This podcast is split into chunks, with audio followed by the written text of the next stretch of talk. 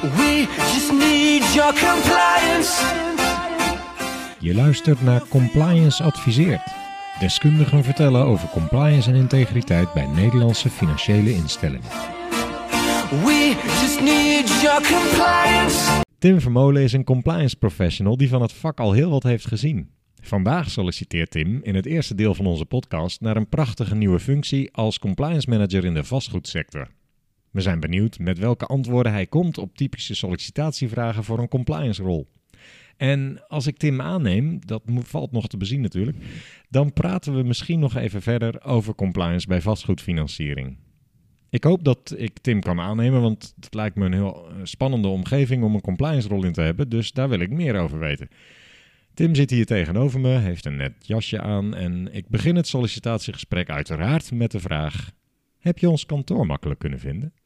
Hey Erik, ja, dat eh, ging heel soepel. Het voelt eh, bijna als een woonwijk hier, is hartstikke knus.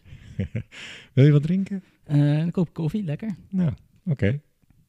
Alsjeblieft. Goed, nou, ik heb je cv even bekeken en je motivatiebrief uiteraard. Dank voor je interesse in onze vacature als compliance manager in de vastgoedsector.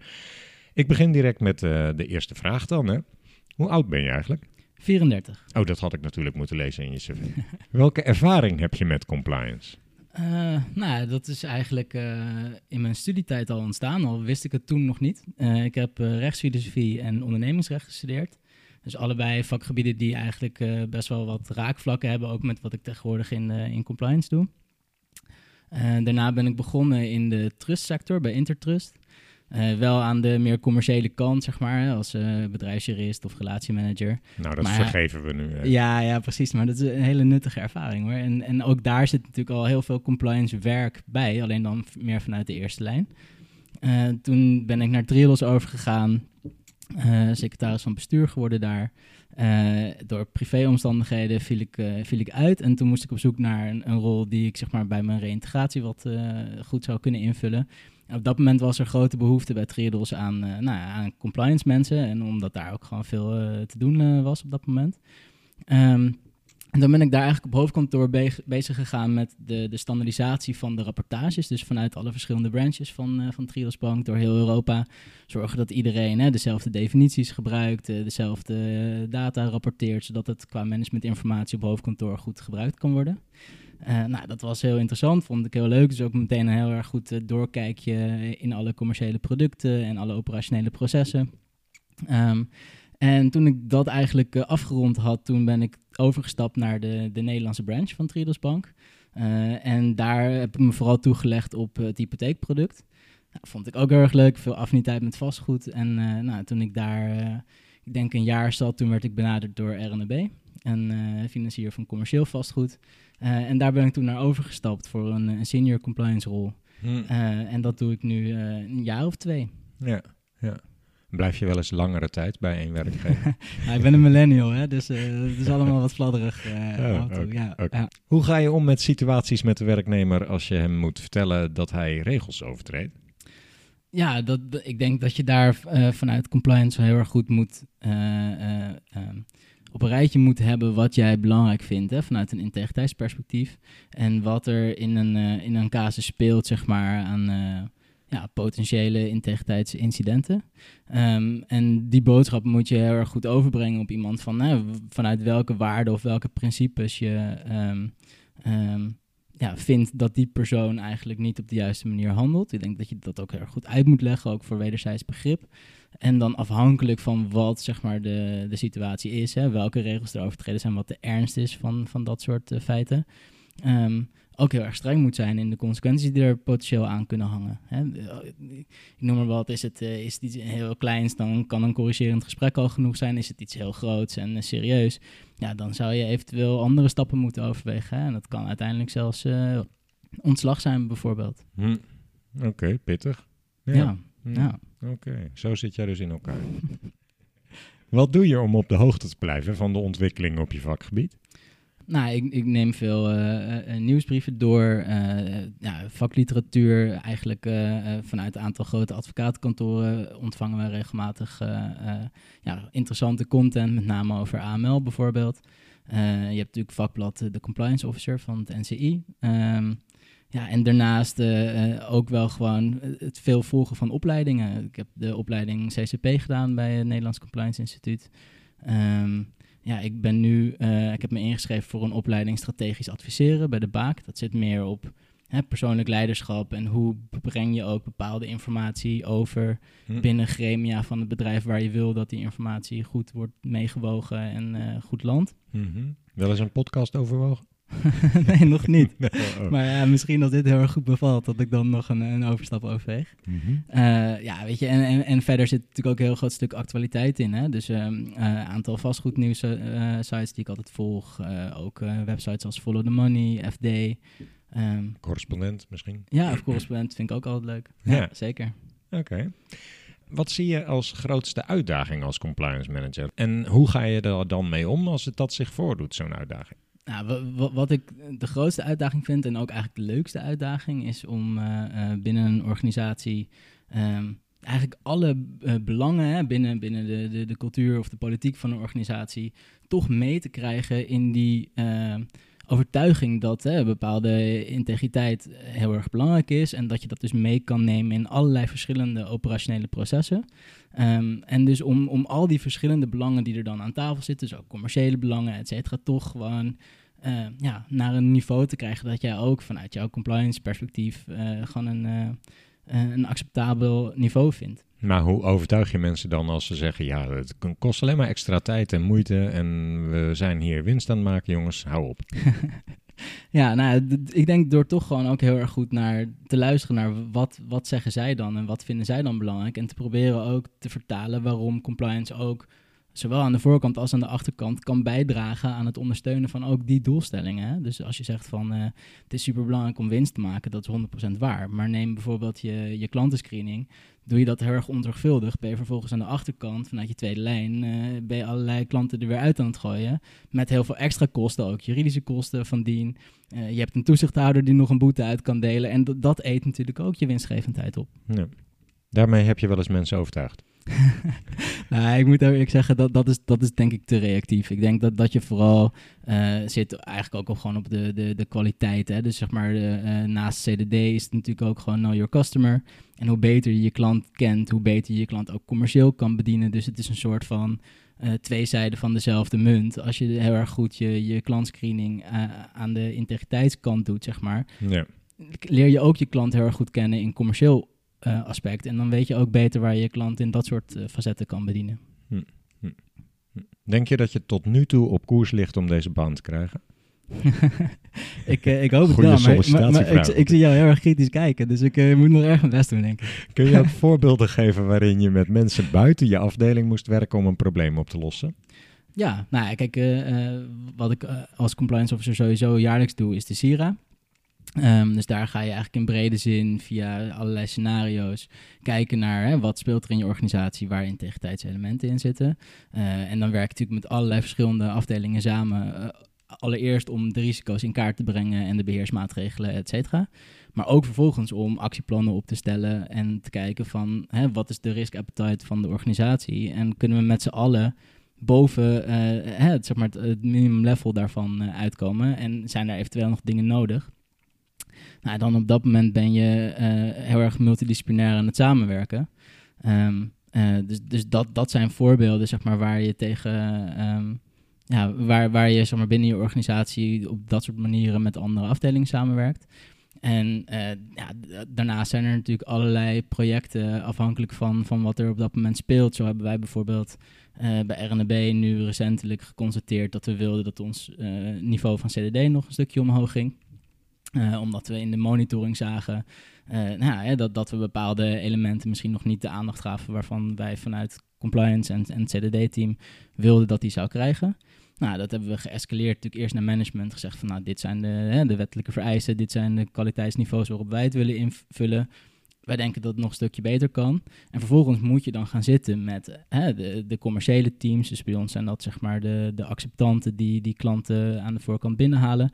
Maar ook een intermediairsteam. Dus hè, er zit nog een, een schil van intermediairs om ons bedrijf heen. Mhm. eh, die ook die klanten voor ons vinden en eh, die klanten adviseren over de financieringsproducten die wij als eh, vastgoedfinancier aanbieden. Hier, hier komen we straks verder op terug. Hè? Je solliciteert nu naar een nieuwe rol. Ja, Ja, nou ja, kijk, en, maar met al dat Ja. soort teams moet je dan Eh, ja. eh, gaan, gaan zitten om te kijken van oké, als we naar deze eh, soort van minimumstandaarden willen, ook wat, hè, wat, wat voor beslag gaat dat dan eventueel leggen ook op commerciële teams? Wat, hoeveel extra werk moeten ze doen? Ehm, wat, waar lopen ze tegenaan in capaciteit? Wat hebben ze nodig aan ondersteuning ook vanuit de tweede lijn om dat zeg maar inhoudelijk goed in te vullen? Dus dan ga je een heel groot coöperatief project in eigenlijk om met z'n allen te zorgen dat je uiteindelijk komt waar je, waar je wil komen. Ja, duidelijk, duidelijk. Ook een redelijke vooruitblik op wat we straks nog verder gaan bespreken over die RNAB waar je nu werkt. Wat doe je als je merkt dat een nieuwe nalevingsvereiste voor je bedrijf eh, opgepopt is? En wat doe je dan om die als eerste om die te implementeren? Ja. Nou ja, ik, denk als allereerste gaan we dat eh, omzetten naar eigen policy en procedure. hè. Dat is een beetje het, het juridische kader wat je eigenlijk eh, schept. Wie zijn we? Eh, we is dan onze compliance afdeling eigenlijk, met Oh, name. ja. Het, het zal waarschijnlijk vanuit het legal team geflekt worden van... hé, hey, er is een mutatie in een bepaalde wet en regelgeving. Mhm. Nou, en dan duiken wij daarin. Wat is het precies? Wat, wat, hè, wat is het verschil met de oude situatie? Welke veranderingen zullen we moeten doorvoeren? Nou, dan eh, eh, compliance is dan de eigenaar waarschijnlijk van, eh, van de policy waar het om draait. Dus die gaan we dan ofwel schrijven ofwel updaten. Ehm, eh, vertalen naar procedures, eventueel werkinstructies afhankelijk van waar het precies moet landen binnen de organisatie. Mhm. Ehm, Op dat moment heb je verder nog niemand betrokken behalve dat je je legal eh, aan de Ja, gaat. eh, zo zou ik het zelf in ieder geval benaderen, omdat je hem eerst gewoon wil afgekaderd wil hebben van wat houdt het precies in en, en waar zou, het- zou het moeten landen. Mhm. Ehm, en dan vervolgens, als dat zeg maar ook door die andere organisaties, andere afdelingen van, van de organisatie gedragen wordt, zeg maar, dan ga je hem natuurlijk im- implementeren. Wat inhoudt dat je dus ook trainingen gaat geven, awareness sessies gaat organiseren Mhm. zodat de mensen die er in de praktijk mee moeten werken en aan de gang moeten, weten hè, waar, waar ze tegenaan lopen en wat er kan spelen. Wie zou er volgens jou de owner van de procedures moeten zijn? In de praktijk is dat vaak de eerste lijn. Ja, ja. Ja, Maar in je verhaal zei je net, die maken wij. ja nee, dat klopt zo. dat is eigenlijk hoe wij het bij ons intern eh, aanvliegen. Optimaal zouden zij dat zelf doen. Hm. Eh, Alleen, eh, eh, Dus ja, als je bij ons komt werken, dan ga je dat anders organiseren. Ja, kijk, de, de, Ja. De, de, ja, klassieke structuur is inderdaad dat de eerste lijn met name, bijvoorbeeld een MCDD, eh, natuurlijk eigenaar is van, van hè, de, de, de, de, nou, de, de voorkant van die hele werkstroom. En daar ook de eigen werkinstructies, et cetera, bij schrijft. Kijk, ik, ik spreek nu nog een beetje vanuit mijn RNW-perspectief, wat een vrij kleine organisatie is. Mhm. En waar de mensen aan de commerciële kant ook echt heel erg vol zitten met, met commerciële activiteiten. Ja, meestal is het Ja. wel gerechtvaardigd in een kleinere club om eerste en tweede lijn enigszins te Ja. mengen, toch? Ja. Ja. Ehm, hoe succesvol vind je jezelf eigenlijk tot nu toe in je werk? Ehm, ik vind mezelf eh, behoorlijk succesvol. Eh, al klinkt het natuurlijk vrij eh, arrogant misschien om dat zo te zeggen, maar ik denk als ik, Maak even een aantekening. ik denk als ik kijk naar, nou ja, zeg maar, het moment dat ik binnenkwam bij bijvoorbeeld RNB, ten opzichte van waar we nu staan als organisatie, dat ik ook gewoon mede op basis van mijn eigen initiatief en de dingen die ik intern heb aangejaagd, ja, best wel grote veranderingen heb eh, gerealiseerd. Ehm, en dat, dat wil bijvoorbeeld zeggen dat eh, ik heb een compliance policy geschreven, een, eh, compliance framework gemaakt. Eigenlijk, nou, waar we het net ook al over hadden, bijvoorbeeld onze CDD-policy ook echt doorvertaald naar concrete procedures, werkinstructies voor onze commerciële teams. Ook om ze een goed kader te geven en te zorgen dat gewoon binnen die hele werkstromen alle eh, relevante elementen en risico's op CDD-vlak ook daadwerkelijk meegenomen worden in het opbouwen van een goed klantdossier. Eh, ja, dat, dat stond gewoon nog niet gestructureerd toen ik binnenkwam. Hm. En nu wel. En ik zie gewoon ook in mijn eigen monitoring, et cetera, de resultaten ervan. Omdat Hm. ik gewoon de kwaliteitsverbeteringen heel erg terugzie. Ja. Ehm, eh, dus nou, over dat soort vorderingen ben ik best wel trots. En ik denk dat het, sinds ik er zit, eh, is het team ook best wel hard uitgebreid. Eh, ik heb nu op dit moment onder mij nog één andere compliance officer werken en vier CDD-analisten. Oké. Ehm, en Die heb je allemaal in jouw periode zijn Ja, bijgekomen? ja, allemaal, allemaal nieuw sinds dat ik er eh, al zit. Mhm. Oh, dus je kent zo'n soort gesprek als we nu ja. Ja, ja, Van de- nou ja, van de goed, andere kijk, kant. to- to- Toen ik binnenkwam was het nog een veel kleinere rol in die zin. Ook nog een veel kleinere organisatie, want we groeien gewoon best wel hard jaar op jaar. En ehm, ja, wat je nu dus ook ziet, is dat zeg maar nu, eh, met name die CDD-kant, wat we eigenlijk als grootste eh, risico hebben bestempeld. Daar zijn we natuurlijk risk-based heel erg op gaan focussen in die eerste jaren dat ik er zat. Eh, maar nu met ook meer capaciteit in het team krijg je ook steeds meer tijd om nou, hè, meer in de breedte, zeg maar, compliance eh, eh, ja, verder door te ontwikkelen. Hmm. Ehm, dus nou, wa- waar ik nu bijvoorbeeld veel mee bezig ben, is ook heel erg monitoren en ook sturen op eh, bepaalde cultuurelementen, gedragselementen. Hè, dus eh, in de gedragscode, belangenconflicten voorkomen, dat, dat soort onderdelen. Ehm, en ook het, het najagen van gewoon hè, bepaalde eh waardes, zeg maar, eh, die je ook binnen de organisatie uit zou willen dragen. Veel meer tijd nemen voor, voor training, educatie, awareness. Ehm, ja, je, je komt gewoon meer toe aan zeg maar, die stukjes ja, die ook belangrijk zijn voor een goede integriteit en een integere bedrijfscultuur. Hm. Ehm, en dat, dat geeft me ook heel erg veel voldoening. En daar zie ik ook behoorlijke, behoorlijke groei in.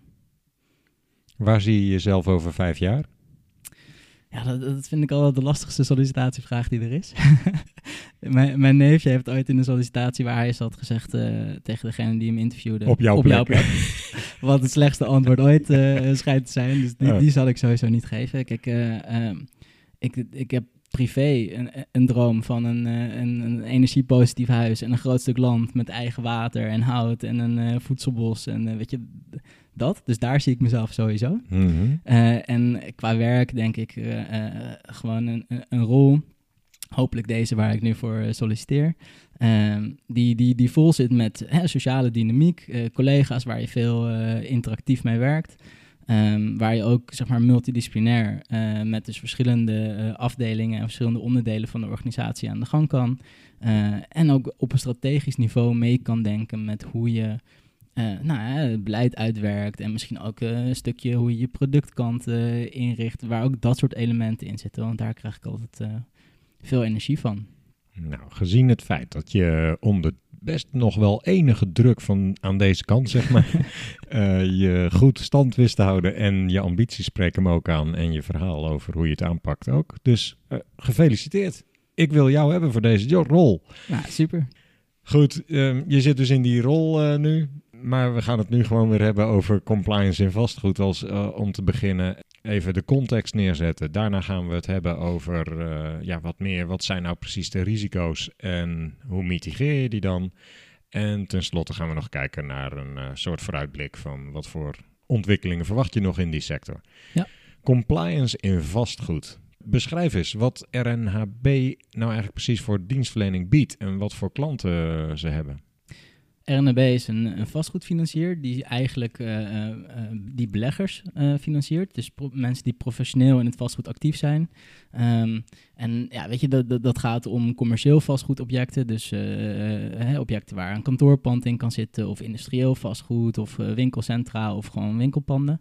En het gaat ook over residentiële panden. En dan zijn onze klanten zijn de, ehm, ja, de beleggers die een pand kopen om te verhuren. Hè? Dus de, de, de Ja. buy-to-let-markt. Oké. En waar komt het geld vandaan waar jullie dan mee financieren?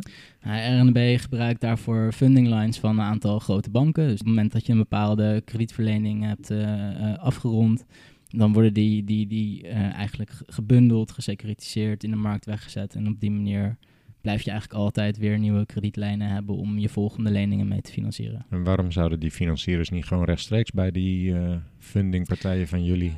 Wat voegt dat toe? Wij hebben de, de specifieke expertise in huis om met name die commercieel vastgoedmarkt gewoon goed eh, te bedienen en ook daar alle risico's goed in te schatten. Kijk, neem grootbanken, die, die willen zelf eigenlijk in hun, eh, ehm, op hun balans niet meer dit soort type krediet hebben staan. Het is te risicovol en ze hebben niet meer de specifieke expertise in huis om die markt te bedienen. Oké. Ja, dus het gaat om allerlei typen risico's die jullie beter kunnen mitigeren dan de partijen die jullie het geld verstrekken. Ja. ja. Hoeveel medewerkers heeft RNAB en wat voor type werk doen die? Eh, we hebben ongeveer 150 man in vaste dienst. En dan nog een eh, flexibele schil van, eh, nou, ik denk een mannetje of 50. Eh, ja, het is Flexibele schil, wat moet ik me daarbij voorstellen in dit geval? mensen die niet vast in dienst zijn, Ja. ZZP'ers of Ja, ja. eh, mensen die, die er al interim zitten. Die, dat, en dat zijn ook een soort van makelaarsrollen of zo? Die, die, eh, Nee, kijk, kijk, je- eigenlijk moet je onze eh, kantoorindeling echt wel zien in de lijn met een eh, andere kredietverlener. Het zijn met name gewoon eh, fi- financieringsspecialisten, eh, accountmanagers. ja, accountmanagers, commerciële teams. eh, eh, we hebben een intermediair team die dus werkt met hè, een grote groep intermediairs rondom RNB. Die eigenlijk tussen ons en de, de, de, de klanten staan, zeg maar, die ook de klanten advies verlenen, et cetera. Wat, wat RNB specifiek doet, is echt het verschaffen van krediet. Eh, dus we hebben ook aan de achterkant hè, grote risicomanagement teams. We hebben eh, eh, real estate advisory teams met echt verstand van, van vastgoedmarkten en, en waardering van objecten, et cetera. Ehm, ja, en natuurlijk hè, Hmm. legal. eh, Maar dat is ook een soort makelaarrol. Het, het inschatten van de waarde, dat doet normaal gesproken een makelaar ook, toch? Ja, ja het, het, het is een, een rol waar je inderdaad kennis hebt van, van vastgoed en waardering. Maar kijk, ja, makelaar, dan zie ik vooral ook iemand in een, eh, een lichtblauw pak en eh, een, eh, een Mini Cooper, weet je. Ja, Kijk, bij ja, jullie hebben ze gewoon hoodies bij, aan. bij ons is het minder spannend. Ja, klopt. Nou heb je al iets verteld over je team bij RNAB in het sollicitatiegesprek zojuist, maar aan wie rapporteer jij rechtstreeks? Eh, nou, boven mij staat een, welke eh, rol? een, eh, een directeur legal en compliance. Mhm. Eh, en, en daar rapporteer ik aan. Hm. Eh, dus Hoeveel die- directeuren heeft RNAB? in, in die managementlaag eh denk ik een stuk of tien. Zo. En, eh, ja, Ja. En, en daarboven zit dan nog een, een bestuur van, eh, van vijf. Oké, nou dat is behoorlijk omvangrijk, toch? Ja, ja, maar dat is natuurlijk ook, zelfs al heb je een kleine organisatie, je wil vaak toch hè, alle ehm, ja, specifieke vakgebieden toch wel goed ingericht hebben met dus ook een eigen rapportagelijn en eh, Hmm. een directeur vaak. Dus dat Hmm. ja, ontstaat vrij snel. Maar zit er dan boven die directeur legal ook nog iemand in dat vijfkoppige bestuur die compliance in zijn portefeuille heeft? Eh, ja, dat, dat, dat zit zeg maar bij onze eh, CRO, dus de Chief Risk Officer. Juist, oké. Ja. En, eh, wat houdt jouw werk als compliance officer bij RNAB precies in? Kun je daar iets meer over vertellen? Je belangrijkste verantwoordelijkheid of zo?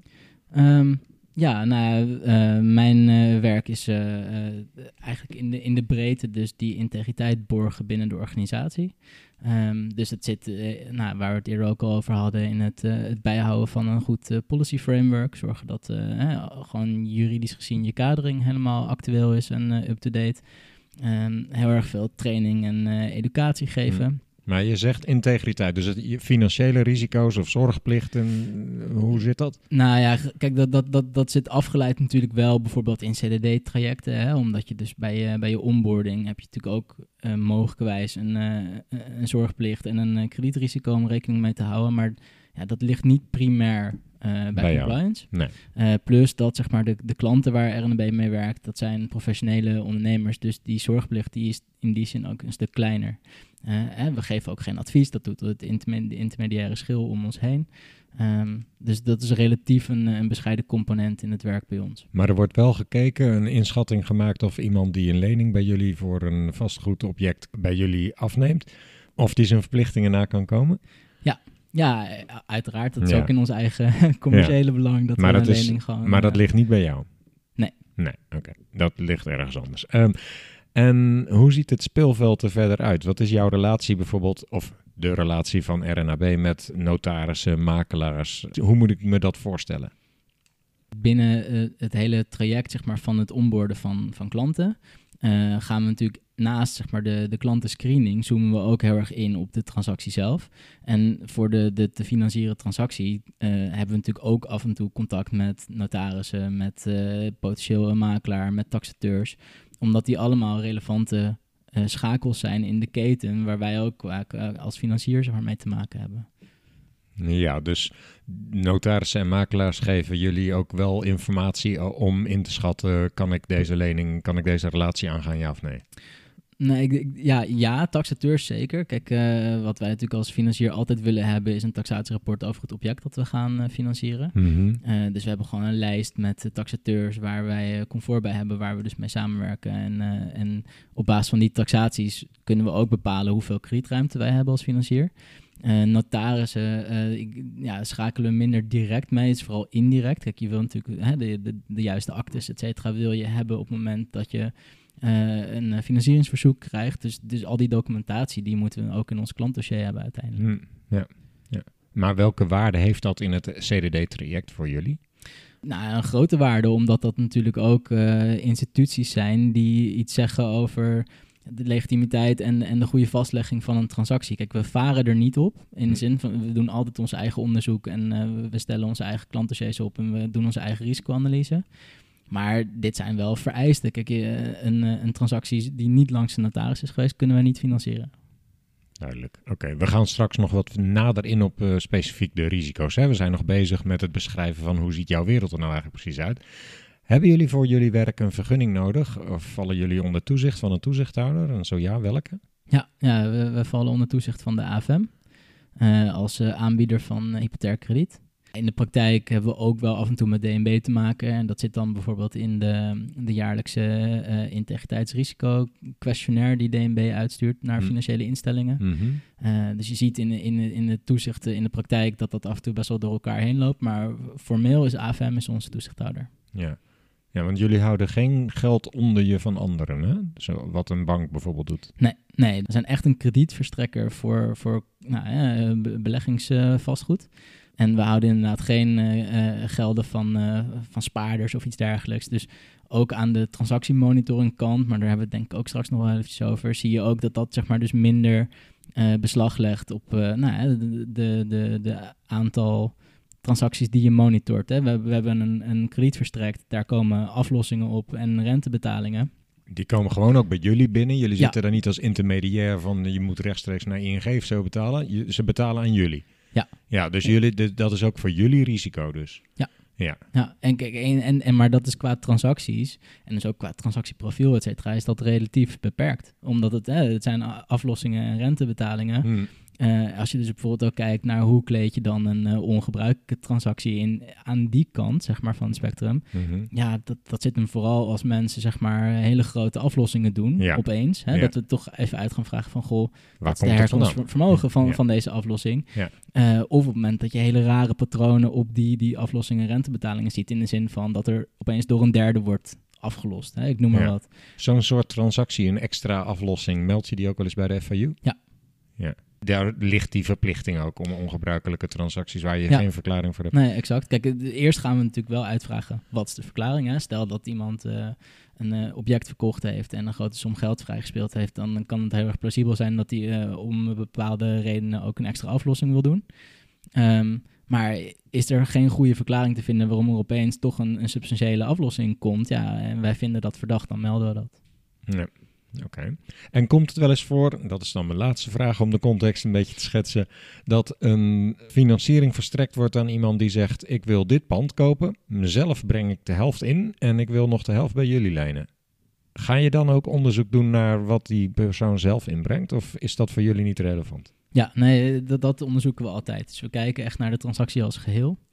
Um, en uh, hoe het bij ons uh, gaat, is dat je ongeveer tot 80% van de objectwaarde kan je bij ons financieren. En die laatste 20% moet je altijd zelf inbrengen.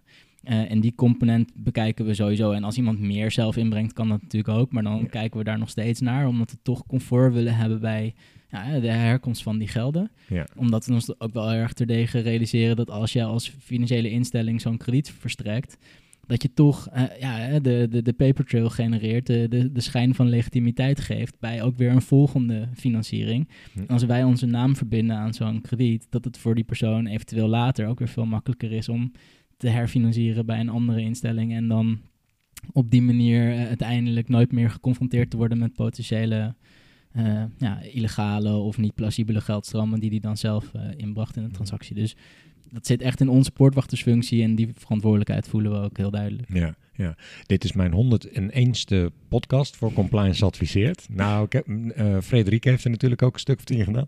Ik realiseer me weer dat ik de illusie had dat ik heel netjes alles gestructureerd uit elkaar kon trekken. Maar we hebben het nu ook alweer over risico's en gaan mitigeren en mitigerende maatregelen en zo. We gaan toch, ondanks dat nu wel in op, want daar zijn we nu wel aan toe, denk ik de risico's en met name dan wat jouw rol daarin is, de integriteitsrisico's. Nou heb ik even rondgekeken op internet op de homepage van het RSIV, dat is het Regionale Samenwerkingsverband Integrale Veiligheid. En dat heeft dan weer ook iets te maken met het RIEK. Daar lees ik, en ik citeer even, fraude met vastgoed is zeer divers. Voorbeelden zijn illegale verhuur en onderverhuur, huurders die uitgebuit worden of mensen die onder druk worden gezet om een woning aan derden te verhuren. Een ander voorbeeld zijn panden die voor criminele activiteiten zoals illegale prostitutie of hennepteelt worden gebruikt. Ook het witwassen van crimineel verkregen vermogen door uh, aan een verkoop van vastgoed of frauderen met inkomensgegevens om een te hoge hypotheek te kunnen bemachtigen komen regelmatig voor. De vastgoedsector is vatbaar voor witwassen en fraude door gebrek aan transparantie, de lage pakkans en de doorgaans hoge rendementen. Criminelen weten soms handig misbruik te maken van legale ondernemingen en juridische en financiële dienstverleners zoals taxateurs, notarissen en accountants. Dat kan de samenleving ondermijnen. Nou, dat was een lang citaat. We zijn er. Dat is misschien wel echt al een beetje een voorschot op wat we nu gaan bespreken. Waren jou die risico's die allemaal genoemd worden, en het is nogal een lijst, uh, jou bewust? Was je daar bewust van? Um, nou, ik heb een aantal ook wel echt uh, veel beter leren kennen uh, sinds ik ook bij RNB aan de gang ben gegaan en echt in het vastgoed zelf werk. Het is een hele waslijst die je hebt opgezomd. Ik probeer me nog even terug te halen wat er allemaal in stond. Maar kijk, ik, ik denk als je, als je naar ons uh, uh, onboardingstraject zeg maar, van, van klanten kijkt... Um, Uiteraard zoomen we in op de klant zelf. Hè. Hoe oud is iemand? Uh, waar heeft hij zijn geld verdiend? Uh, wat, wat, voor vermogen heeft hij opgebouwd? Is dat allemaal plausibel en, en Ja, dat, dat, zijn al de mitigerende ja, maatregelen. Ja, ja, Even over de risico's zelf. Maar, maar, we zoomen ook in op de transactie. En ik denk dat je daar een aantal uh, vastgoedspecifieke risico's in hebt. Kijk, vastgoed is sowieso behoorlijk variabel in de waardering. Het, is vraag en aanbod in een grillige markt. En dat kan soms ver onder de getaxeerde marktwaarde liggen. Dat kan soms ver boven de getaxeerde marktwaarde liggen. Het heeft er ook mee te maken met hoeveel potentie ziet iemand in een pand. Zijn er mogelijkheden tot splitsen van een pand? Of kan je het verbouwen en herbestemmen en, en creëert dat waarde? Dus, dus, er zit een behoorlijke mate van subjectiviteit in. Mm -hmm. um, dus, dus de eerste uitdaging ligt eigenlijk altijd al bij die waardebepaling. Ja. Maar dat is um, niet, het, is, het gaat nog steeds niet om kunst. Jullie hebben taxateurs in dienst. Uh, jullie kunnen ervan uitgaan dat je ongeveer kan inschatten wat zoiets waard is, toch? Ja, nee, zeker. Kijk, uh, daar varen we dus inderdaad ook op die, die getaxeerde waarde en dus ook op onze eigen vastgoedkennis. Dus bijvoorbeeld over dit soort elementen van, van splitsen, herbestemmen, et cetera. Dan kan je dus best wel proberen te objectiveren wat het waard is, maar dan nog steeds geldt het blijft een markt en het blijft uh, uh, subjectief. Ja. Dus het kan nog steeds afwijken. Ja. En nou, voor ons is dan natuurlijk de taak om in te schatten of een afwijking uh, ja, plausibel is of niet. En of die op een goede manier onderbouwd is en of we dat zeg maar. Kun je dan iets vertellen over wat maakt dat het de ene keer dan oké, okay, dat is legitiem, zo zien we dat, en de andere keer toch maar melding bij de FAU? Wat je bijvoorbeeld vaak ziet is dat mensen een, een pand hebben aangekocht. Um, vervolgens verbouwd en dan bij ons aankloppen voor eigenlijk het herfinancieren van het object. Nou, wat, wat, wat, wat wij dan moeten doen bijvoorbeeld, is om in kaart te brengen van wat is de, de, de scope geweest van de verbouwing en hoeveel toegevoegde waarde zat daarin. Mm-hmm. En kom je dan uit op het uh, bedrag, zeg maar de waardering waarop iemand wil financieren. Hè? Is dat reëel? Ja. Maar we moeten bijvoorbeeld ook kijken naar hè, wat voor, hoe is die verbouwing gedaan, met welk geld is dat betaald, welke aannemer zat erbij, is het allemaal gefactureerd en uh, digitaal betaald of zijn er misschien, uh, hebben wij het vermoeden dat daar geldstromen zeg maar onderhands over zijn gegaan. Mm-hmm. Dus stel, we zien een e- enorme waardetoename, maar we zien niet de, de, de facturen voor hè, een, een aannemer of een loodgieter, et cetera. Nou, dan, dan is, de, de, is het vermoeden dat daar misschien mogelijkwijs eh, eh, illegale eh, aannemers hebben gezeten, Polen die zwart hebben zitten klussen. Of, Ik Nou, herken ze, ja. ja, ik, nou ja, ik weet wie je bedoelt. of ja. dat er op een andere manier ges- ja, een beetje eh, gestoeid is zeg maar, met die waardering van die transactie. Ja, Nou, dus op het moment dat wij niet objectief onderbouwd krijgen waar, die waarde, waar het waardeverschil door verklaard kan worden, dan gaan we vaak tot melding over. Hm. Ehm, Mhm. Oké, en komt dat, eh, m- kun je iets zeggen over hoe vaak je nou in de eh, praktijk in percentages of zo eh, de verdenkingen hebt? ja, to- kijk, toch best regelmatig. In percentages is het, eh, is het een heel laag percentage, maar wat we hebben gedaan in onze CDD-policy is eigenlijk gewoon voor dit soort onboardingstransacties drempels formuleren, waarbij als de acceptanten, dus de, de commerciële eh, teams, als die zien dat er bepaalde elementen in een dossier zitten, dat ze verplicht naar compliance en CDD moeten. Dus dan de, de, de uitzonderlijke gevallen, zeg maar, die dus afwijkend zijn, die komen dan op ons netvlies. Eh, en daar duiken we in. Daar gaan we dus kijken van hè, welke partijen zijn er betrokken, welke signalen zitten er verder in zo'n dossier, wat maakt dat je het wel of niet eh, plausibel vindt. En ehm, nou, zit er dus inderdaad zo'n onverklaarbare waardestijging in? Eh, of eh, zit er een eh, ABC-structuur in waar een, pand zeg maar, een aantal keer achter elkaar is overgedragen met gekke waardesprongen die niet verklaarbaar zijn? Ehm, of wordt een pand aangekocht veel lager dan de marktwaarde, maar is de verkoper heel oud en vermoed je een potentieel een misbruikssituatie? Nou, het, het kan echt van alles zijn. Eh, en dat is heel erg eh caseafhankelijk, zeg maar. Maar dus daar, daar duiken wij in. En, en met name dan de CDD-analisten bij ons. Ja, En die gaan dat echt allemaal in beeld brengen. En dus alle risico-elementen opzommen en eventuele red flags, et cetera. En ik als compliance officer bekijk dat dan.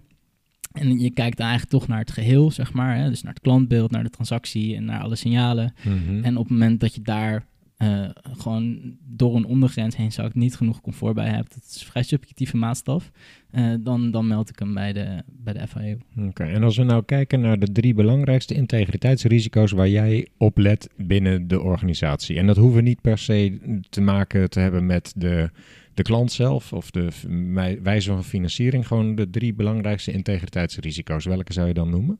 Het, het tegengaan, denk ik, van eh belangenverstrengeling binnen de organisatie. Ehm, dus wa- Mhm. wat je bij ons veel ziet natuurlijk, is dat er vanuit klanten of vanuit de intermediairs die zich bij ons melden voor bepaalde kredieten, wordt natuurlijk altijd gepusht op eh, en eh, zo laag mogelijke rente en eh, snelheid, et, et cetera. Nou, wij moeten de mensen bij ons intern er heel erg goed tegen wapenen dat ze ook gewoon na- naar alle objectieve factoren, zeg maar, hè, die wij op kredietrisico, op integriteitsrisico, et cetera, hebben, dat ze daar goed mee omgaan en die goed borgen. En niet vatbaar zijn voor eh, nou, de, de, de druk aan de andere kant. Mhm. Of potentieel hè, gepaaid worden met relatiegeschenken of anderszins. Ja, hoe, hoe help je die eh, verkopers, ik noem ze even verkopers in dit geval. Eh, hoe help je ze daarmee? Krijgen ze bonussen om eh, extra te verkopen? Of heb je dat, heb je dat Nee, weggehaald omdat je ze daarmee niet echt helpt? Nee, precies. Kijk, we, we doen dus inderdaad bewust niet aan dat soort commerciële omzettargets. Om, om die prikkel al enigszins te reduceren. Schijnt een, En- belang- een van de belangrijkste mitigerende maatregelen Ja, exact. Nee, helemaal, helemaal eens. En we, zijn, we hebben zelfs nog gekeken van zouden we hem niet de andere kant op willen? Dat je ook juist naar hè, dossierkwaliteit op eh, krediet- en integriteitsrisico Dat kijkt. je daarop beloont. Ja, Ja. eh, omdat je eigenlijk dan eh, positief stimuleert de andere kant op. Nou, ja, Mhm. dat, dat is tot nu toe nog een brug te ver, maar dat, dat is, wel, dat is wel een idee waar ik, zelf, waar, ik, hameren. waar ik zelf ja, best Ja. achter sta. Ja. Mhm. Oké, dat was er één. De mogelijkheid op belangenverstrengeling, misschien wellicht omkoping, corruptie. Een andere.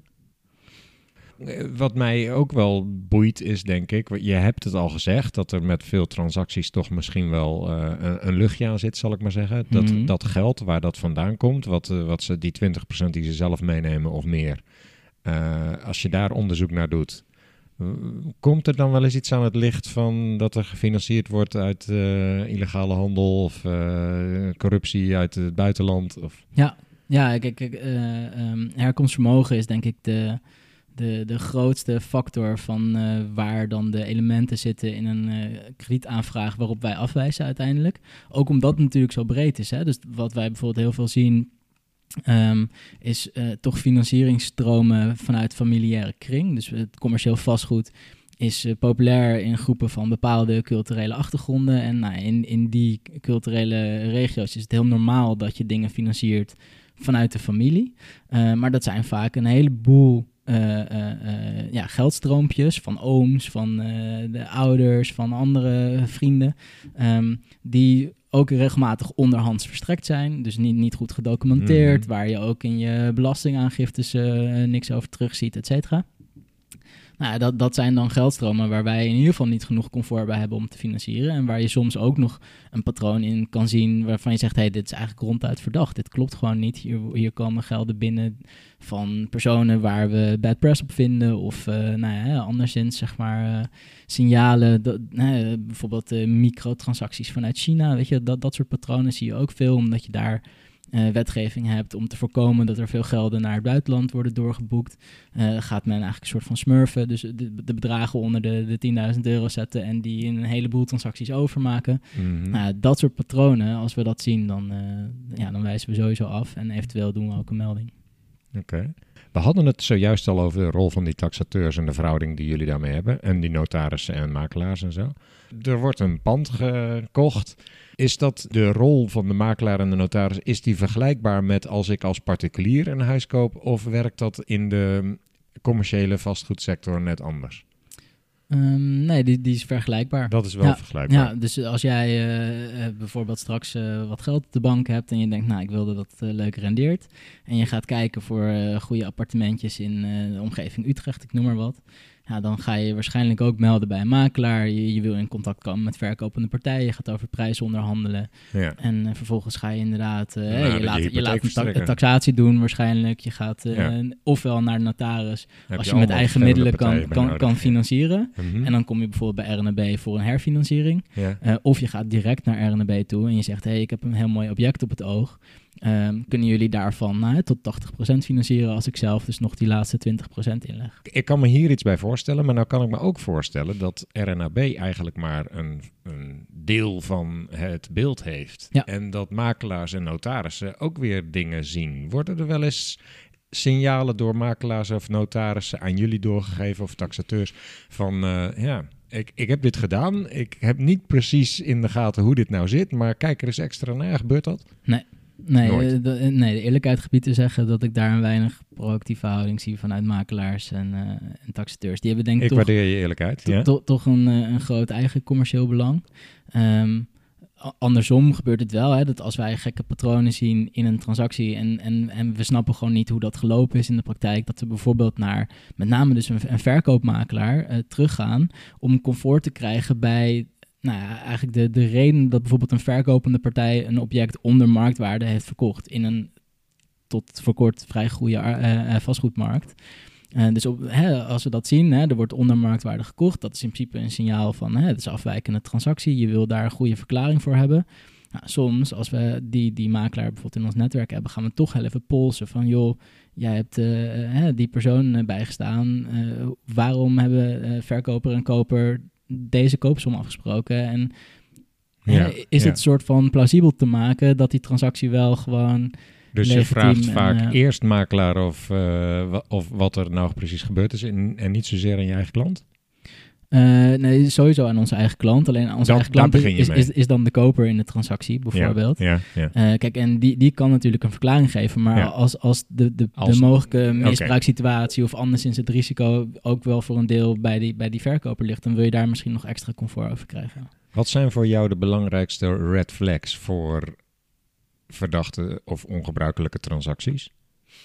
Nou ja, eh, met name toch gewoon de, uh, het, niet goed kunnen onderbouwen van uh, de, de herkomst van middelen. Dus bijvoorbeeld, um, wat er veel gebeurt, is dat, er, uh, dat we zien in, in jaarcijfers bijvoorbeeld dat de, de omzet van een bedrijfje in 1, 2, 3 jaar explodeert naar vele miljoenen bijvoorbeeld. Hè? En Hmm. dan, dan, zie je gewoon een, een niet soort van natuurlijke groei in, uh, in, in dat soort dat cijfers. is flag. Ja, ja nou, dus, de, de, dat soort elementen, da daar slaan wij dan behoorlijk op aan. Ook bijvoorbeeld um, als je in het profiel van zeg maar, iemand die zich bij ons voor krediet meldt, bijvoorbeeld ziet dat hij relatief jong is, eh, relatief laag eh, inkomen heeft, dus een laag box 1 eh, inkomen, maar een hele grote vastgoedportefeuille. Ja. Ja, dus, dus al heel veel vastgoed in box 3. Is dat dan- signaal voor een stroomman? Ja, dat zou goed kunnen, ja, ja zeker. Want kijk, dan komt dat geld to- toch ergens vandaan. Kijk, en het kan natuurlijk hartstikke legitiem zijn. Hè? Op Mhm. het moment dat iemand een eh, grote erfenis heeft gehad. Nee, het principe Eh, van red flag is niet dat je nee, meteen ja, weet dat het verdacht is. Nee, alleen, exact. Ja, ja, Dus de je- combinatie van red flags maakt Ja. dat je toch eens verder moet gaan Op kijken. dat soort patronen sc- screenen wij eigenlijk eh, altijd. Dus ook bijvoorbeeld op de, de clustering van huurders. Dus op het moment dat er een, een wordt aangeboden, we vragen altijd ook de huurlijst op. Zie je bijvoorbeeld dat er allerlei huurders in zitten. Ik noem maar wat, twintig vrouwen uit eh, Oekraïne van eh, tussen de 18 en eh, Hmm. 24 jaar. Hm. Ja, dan kijken we daar toch iets kri- kritischer naar dan wanneer je een heel gemeleerd eh, palet ziet van, Ja. van leeftijden, geslacht, eh, achtergronden. Ik kan me haast niet voorstellen dat als je zoiets ziet, dat dat dan ook het enige signaal is wat je hebt. Nee, dat, dat, dat klopt. Kijk, je, je hebt gewoon een signaal nodig waarop je aanslaat. En, eh, Dan zie je al vaak ja. meerdere. Precies, kijk, dus, dus ook, nou, ook hiervoor geldt, hè, hoe we het dus in onze policy et cetera hebben opgebouwd, is dat we al dit soort elementen los hebben geflagd. En we proberen dus elke keer met training en awareness onze commerciële teams erop ja, hè, in te richten van, zi- zit dit erin? Kom bij ons in de lucht. Het is ook vaak verplicht om dat te doen. En dan vervolgens gaan wij vanuit CDD en compliance erin. En dan zie je inderdaad nog, hè, zit er één element in, zie je vaak ook nog twee of drie andere. En dan in de samenhang uiteindelijk is het gewoon niet meer acceptabel. Ja, en wat moet een hypotheekvrager opgeven over de reden waarom die die hypotheek wil? Ehm, Ik kan me voorstellen dat dat blijft bij ik wil gewoon dat pand. ja, Maar misschien moet hij ook wel helemaal uitvergroten wat hij met dat pand eh, Ja. van plan is. d- dat moet zeker. Kijk, eh, de, de reden is inderdaad, inderdaad vaak gewoon hè, herfinancieren. Dus een, een commerciële reden, gewoon meteen weer geld beschikbaar maken voor nieuwe investeringen. Eh, maar daarnaast eh, moet hij ook aan ons duiden, inderdaad, wat, wat voor pand koop je? Wat is het, de bestemming van het pand? Wie zijn de huurders die erin gaan? Dat nemen we allemaal mee in de eh, opbouw van het klantdossier en ook in de screenings die we doen. Moeten jullie ook rapporteren aan de Belastingdienst over eh, gegevens die jullie voorbij zien komen? Mm, nee. Helemaal niet. Nee.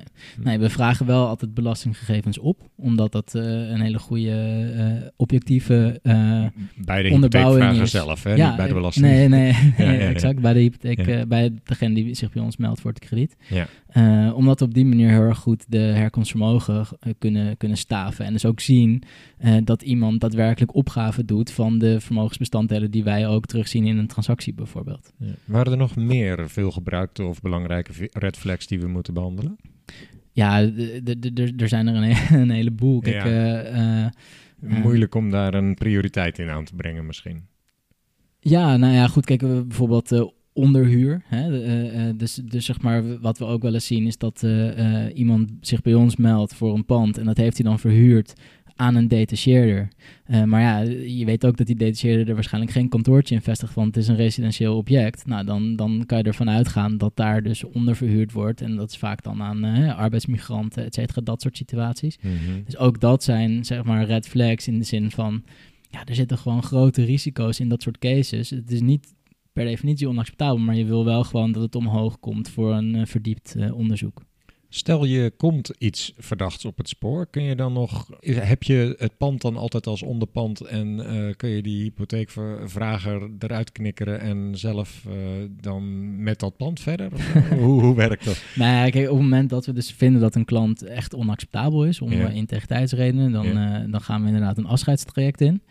En eh, nou, afhankelijk van hoe hard we kunnen maken dat er daadwerkelijk eh, illegaal eh, eh, gehandeld is of anders, kunnen we ofwel direct afscheid nemen. Of bijvoorbeeld zeggen van nou, we laten hem uitlopen. Stel de looptijd is nog anderhalf jaar. Dat je zegt nou, je laat hem uitlopen, maar je kondigt aan dat je niet gaat verlengen. En dan geef je iemand een soort van redelijke termijn om ook zijn, zijn herfinanciering weer in te regelen eventueel. En dan op dat moment zijn wij dus met ons krediet uit dat pand. En nou, hè, dan zijn we in die zin weer eh, losgekoppeld van de verdere eh, eh, situatie en transactie. Maar als de integriteitsschending dusdanig ernstig was, hebben we er uiteraard ook gewoon melding van gemaakt bij, bij VIU bijvoorbeeld. Ja. Als een klant nou vraagt om een financiering voor de aanschaf van een vakantiepark, zijn jullie daar dan blij mee? nou ja, kijk, dan, dan zit je dus een beetje op die eh, arbeidsmigrantsituatie mogelijkerwijs, hè, waar we het net over hadden. Ehm, kijk, eh, daar zitten grote risico's aan, ook omdat je weet dat vaak de, de kwaliteit en het comfort zeg maar, van de, de vastgoedobjecten in zo'n park, dat is niet heel erg eh, eh, hoog. Ze zijn niet bedoeld voor permanente bewoning, et cetera. hè. Niet goed geïsoleerd in deze tijd met hoge energiekosten. Is dat überhaupt iets wat je ook in, zorgplicht naar huurders, et cetera, misschien niet zou moeten willen? En ja, wat we specifiek in die eh, eh, arbeidsmigranten context altijd bekijken is... ehm, inderdaad, is de, is de verhuurder gecertificeerd om te verhuren aan, eh, aan arbeidsmigranten? Ehm, is de, hè, hoe zitten de huurcontracten in elkaar? Die vragen we sowieso standaard op. Maar zeker in, in deze, dit soort situaties wil je ook weten... zijn die huurcontracten opgesteld in de taal van de persoon... Hè, van, van het land waar die persoon vandaan komt bijvoorbeeld? Zijn ze begrijpbaar voor de, voor de huurder? Eh, we checken ook inhoudelijk bijvoorbeeld of er niet een koppeling wordt gemaakt tussen werk en wonen. Want dat, dat zie je in de praktijk, ondanks certificering, et cetera, zie je dat heel veel. Dat eh, eh, eh, verhuurders aan arbeidsmigranten in hun huurcontract zetten van joh, zolang je voor ons werkt mag je hier wonen. Zodra je niet meer voor ons werkt moet je ook hier, hier weg. Ja, En dat heeft was laatst in het nieuws nog. Ja, en dat heeft natuurlijk naar twee kanten heeft dat eh, behoorlijk negatieve impact. Omdat zo'n huurder kan niet makkelijk ageren tegen misstanden in zijn woonsituatie. Want dan verliest hij potentieel zijn inkomen. En andersom, eh, misstanden op werk kan hij ook niet tegen ageren, want dan verliest hij potentieel zijn dak boven zijn hoofd. Ja. Dus weet je, dat soort eh, elementen, dat accepteren wij gewoon niet. Akelig te dicht bij slavernij eigenlijk. Ja, exact. Ja, precies. Ik denk dat het een, een, een trend is, zeg maar, die in deze tijd best wel toeneemt. We hebben, we hebben veel arbeidsmigranten in Nederland. En denk dat we met z'n allen daar ook gewoon een morele verantwoordelijkheid voor hebben. Om dat, eh, ja, ook voor ons als financier, zeg maar, om dat gewoon op een, eh, goede manier ingericht te hebben. En dat die mensen gewoon comfortabel en goed kunnen wonen is heel erg belangrijk. Dat is een functie die wij ook willen financieren. Maar het moet wel echt comfortabel en kwalitatief goed zijn. Ja, ja. het eh, lijken me veel vergrijze gebieden ook, maar eh, dat is natuurlijk altijd de uitdaging bij compliance. Dat is eh, inherent aan het vak van compliance Ja, natuurlijk. en dat maakt het leuk. Environment, Social and Governance, daar hebben we onlangs een podcast aan besteed met twee mensen van, van Triodos, aanrader. Dat speelt wellicht ook een rol in de vastgoedsector. Eh, welke eisen stel je als financiële instelling aan de kwaliteit van de panden die je financiert? En dan met name op het gebied van duurzaamheid uiteraard. Ja, ja dat, speelt zeker bij ons. Kijk, ik, ik vond het zelf inderdaad vanuit mijn achtergrond als triodos, maar ik ben überhaupt ook gewoon in mijn eigen leven best bezig met duurzaamheid en eh, gewoon e- ecologie. Dus nou, wat je- wat je bijvoorbeeld in de ehm, eh, commercieel vastgoedhoek hebt, is dat je vanuit de overheid nu wet en regelgeving hebt over hè, kantoorpanden bijvoorbeeld, die moeten binnen op korte termijn naar minimaal energielabel C. Hè? Dus, dus op dat soort, zeg maar, eh, vrij ehm, ehm, ja, makkelijk laaghangend fruit, zeg maar, wordt er vanuit de overheid wel gestuurd. Alleen misschien nog niet per se ambitieus genoeg. Eh, wat wij als RNB hebben gezegd is, nou, wij vinden het ook heel erg belangrijk, hè, dat, dat zeg maar, mensen die bij ons kredieten eh, afnemen, dat die ook kijken naar de verduurzamingsmogelijkheden van hun woningen. Dus wij bieden ook eh, verduurzamingsleningen aan. Wat Eh, wil dat zeggen? nou, e- eigenlijk dus, dus extra kredietruimte of tegen een kleine rentekorting om toch nog extra verduurzamingsslagen te maken. Ja, ja. Eh, omdat het en hè, voor de, de woonsituatie van huurders weer eh, beter is, maar ook uiteindelijk eh, voor de kredietwaardigheid van een dossier aan de commerciële kant gewoon terugkomt. Hm. En ja, dat is iets waar ik zelf vanuit mijn eigen interesse eh, en vanuit de ESG-werkstroom ook bij RNB ook veel met taxateurs over spreek. Bijvoorbeeld dus van hoe kan je nou dat soort duurzaamheidscriteria meenemen in de waardering voor je vastgoedobject. Ja, toevallig dus- zag ik vanmorgen nog in het FD een artikel waarin gesuggereerd werd dat kopers al niet eens meer zo heel erg geïnteresseerd zijn in de prijs, maar vooral hoe Ja. duurzaam is het gebouw. Ja, nou ja, exact. Kijk, en, en, en, en dat zit dan waarschijnlijk nog met name vrij eh, eenzijdig op het energielabel. Hè? Want je ziet daar, daar is vrij makkelijk kwantificeerbaar, bijvoorbeeld als, als huurder. eh, hè, wat worden je energielasten, et cetera? Nou, eh, op het moment dat je energielasten eh, lager zijn, is de, de woning zeg maar, voor een huurder eigenlijk meer waard. Mhm. Ehm, En voor een verhuurder uiteindelijk ook, want die weet dat zijn huurder waarschijnlijk makkelijker de huur kan betalen, omdat hij niet helemaal krom hoeft te liggen voor zijn energielasten. Hm. Ehm, Ja. En nou, dat, dat soort elementen zie je dat ook bij taxateurs nog redelijk goed doorvertaald kunnen worden naar wat is nou de waarde van een, een object. Maar er zijn natuurlijk nog heel veel meer eh, verduurzamingsaspecten voor vastgoed. Hè. Neem eh, groene gevels bijvoorbeeld, hè. dus mooie beplanting aan de buitenkant waar weer vogels in kunnen nesten, et cetera Ja. grijs watersystemen waar je water, eh, ja, gewoon het regenwater wat op je dak valt gebruikt om je wc door te spoelen, dat soort dingen.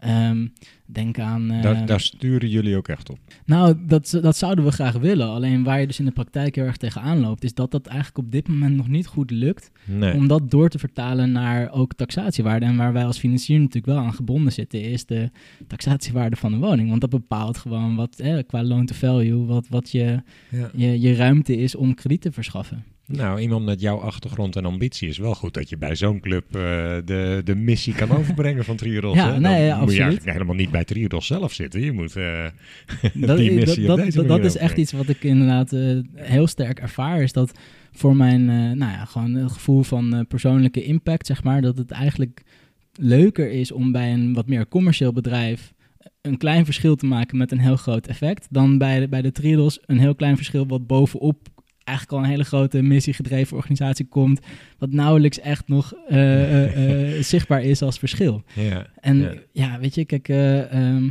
Nou, Triodos maakt ook verschil. Daar laten we het niet vervelend houden. Maar Nee, absoluut. Maar dat, kijk, dat doen ze vanuit hun eigen missie al. En Ja. het is natuurlijk juist mooi als je de spelers, nou laat zeggen, van, Van andere binnenuit. onderdelen van de markt, als je die ook juist naar dat soort impulsen kan, kan bewegen. andere aspecten wat duurzaamheid betreft? Eh, ja, circulair materiaalgebruik. eh, eh, ja, dus er zijn een heleboel hele goede duurzaamheidsideeën. En ik hoop ook dat het vooral zeg maar, bottom-up gewoon cultureel steeds meer gaat leven. Dat mensen het bij spreken vanuit zichzelf al, al doen. Ja.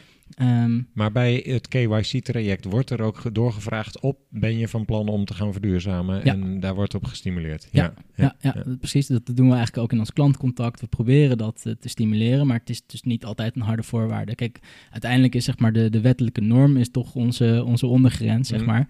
Mhm. En in die zin ligt er ook voor de overheid natuurlijk gewoon een taak om die wettelijke norm gewoon eh, scherp in te richten, denk ik. Dat snap ik. Maar je kunt natuurlijk als financierder altijd zelf nog wat Ja, verder. nee, zeker. ja, Ehm, kijk, ja. Kijkend naar de tijd en de toekomst, dat kan mooi in één keer. Ik denk dat het goed is om te gaan afronden. Er zitten een heleboel elementen in dit gesprek waar ik nog heel graag op door zou willen praten. Dat doen we dan buiten de podcast nog wel eens een keer. Ehm, maar verwacht je nog bepaalde ontwikkelingen in het werkveld? Wellicht in wet of regelgeving of toezicht die impact kunnen hebben op jouw werk? Ehm, nou, ik, ik, ik, ik verwacht wel eh, binnen afzienbare tijd een eh, verschuiving ehm, van de toezichthouderfocus. Ik denk dat hè, DNB, eh, AFM zijn nu heel erg nog bezig met, laten zeggen, de, de grotere, eh, nou, de grootbanken op dit moment nog steeds. En ik verwacht dat het meer en meer ook doorcijpelt naar de kleinere financiële instellingen. En dan met name ook inderdaad hè, sectoren als commercieel vastgoed. Waar gewoon evident eh, grote risico's in, in spelen. En waar de pricing wat variabel is. Ik, ik verwacht dat daar gewoon een, een verscherpte toezichthoudersfocus komt. En eh, Dat is een hele goeie, wat je nu noemt. Daar wil ik heel even kort op ingaan. Die verstrekkers voor jullie, dat zijn die grootbanken soms. Hè? Ja. Hoeveel toezicht of druk ervaar je vanuit die partijen zelf? Want zij zijn ook het haasje Ja. als er bij jullie iets misgaat. Nee, zeker. Kijk, die, die willen natuurlijk ook heel erg goed weten van wat wij doen aan eh, nou, AML-achtige procedures intern en welke checks en balances wij hebben ingebouwd. Omdat zij natuurlijk ook comfort willen hebben met de, de portefeuille die wij, eh, die wij opbouwen. En Komen zij wel eens met, eh, met maatregelen waarvan je denkt... goh, ja, die is wel goed om in te bouwen? Nee, nee zo, Nee. zo concreet heb ik dat in mijn Nee, want werk nog niet De meegemaakt. nee. expertise lag bij jullie, zei Ja, je. dus, nee, maar ja. Dat, ja, ik, ik denk ook eh, in alle eerlijkheid dat wij het op dit moment gewoon goed op orde hebben. En Ja. dat dat correspondeert ook met wat eh, dat soort banken aan risico acceptabel vinden. Nee, maar eh, goede toekomstverwachtingen inderdaad. Meer, meer toezicht, omdat bij de grootbanken daar inmiddels eh, een redelijker volwassenheidsniveau mogelijk bereikt is. Ja. En andere En- toekomstontwikkelingen? Nou ja, in de, in de vastgoedsector zelf denk ik eh, misschien nog een verdere verhoging van de overdrachtsbelasting. Hè. Kijk, het is natuurlijk best wel hot op dit moment dat we box 3 eh, meer willen belasten en Hm. eh, we- nou, box 1 wat minder. Ja. Ehm, ik denk een, mogelijkwijs nog een uitbreiding van de zelfbewoningsplicht. Hè. Dus in de grotere steden eh, stellen ze vaak als vereiste op het moment dat je een vastgoedobject koopt, dat je er ook zelf in gaat wonen. Ja. Eh, nou, dat heeft natuurlijk met name voor onze eh RNB's business, zeg maar, van, van beleggingsvastgoed, heeft dat impact. Veel invloed. Ja. Ja, ehm, Heeft het wel een toekomst? ja, ik- uiteindelijk denk ik het wel, omdat je ook ehm, een, belangrijke kracht in de markt toch wel financiert en stimuleert, omdat heel veel vastgoedbeleggers hebben een hele slechte naam. Maar ze, ze investeren ook heel erg veel geld in bijvoorbeeld het transformeren van vastgoed. Hè? Dus zeg maar oud eh, kantoorvastgoed, wat omgekat wordt, gesplitst wordt naar goede, eh, hoogwaardige appartementen. Nou, Ja. da- dat soort eh, bewegingen in de vastgoedmarkt zijn super belangrijk. En de, de overheid kan dat niet allemaal zelf realiseren. Hm. Eh, en, en, en zeg maar de, de, de particuliere bewoners met een kleine portemonnee, die kunnen ook niet zo'n pand kopen en zelf verbouwen. Dus die zijn afhankelijk van weer die investeerders die dat voor ze doen en die dat tegen een acceptabele huurprijs en met een goed comfortniveau aan hun kunnen verhuren. En Ja. ik, ik denk zeker dat het een toekomst heeft. Ik denk vooral dat zeg maar de, de, het kader, de randzaken, dat die gewoon steeds scherper ingeregeld gaan worden. Helder. Heb je tot slot, en dit wordt de laatste keer dat ik dit ga vragen, maar daar komt binnenkort meer informatie over. Aanhakend op de titel van deze podcast, wat is je belangrijkste advies aan luisteraars van deze podcast op het vlak van compliance? Of wat is het beste advies wat jij ooit ontving? Ja, ik, eh, mijn advies zou denk ik zijn dat je eh, in je werk altijd eigenlijk moet streven naar gewoon deugdelijk of deugdzaam handelen. En dat dat altijd een optimum is die afhankelijk is van, van de context waar je in zit.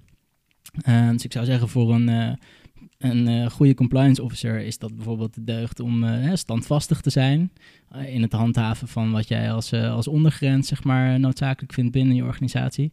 Eh, maar het kan ook eh, de deugd zijn om eh, pragmatisch te zijn daarboven of heel erg proactief te zijn in je communicatie. Ik denk dat het allemaal hele belangrijke vaardigheden zijn voor een compliance officer om goed te functioneren zeg maar, binnen, de, binnen je organisatie. Kijk, een goede ondergrens geeft je geloofwaardigheid. En zeg maar pragmatisch en proactief zijn in je communicatie en in je samenwerking. Ja, dat geeft je gewoon krediet binnen een organisatiepolitiek. En allebei is, is essentieel voor, om hè, voor de organisatie als geheel een goede, integere bedrijfsvoering eh, neer te zetten. Hartelijk bedankt voor je heldere verhaal en prachtige antwoorden. Aan de luisteraars zou ik willen zeggen hartelijk dank voor het luisteren en de alle belangstelling van de afgelopen tijd. Heel veel succes. Ik hoop dat je iets bereikt ook met verduurzaming en, en ESG in de vastgoedsector. Ja, dankjewel. Heel fijn dat ik hier mocht zijn. Compliance. We just need your compliance. Je luistert naar Compliance Adviseert. Deskundigen vertellen over compliance en integriteit bij Nederlandse financiële instellingen. We just need your compliance.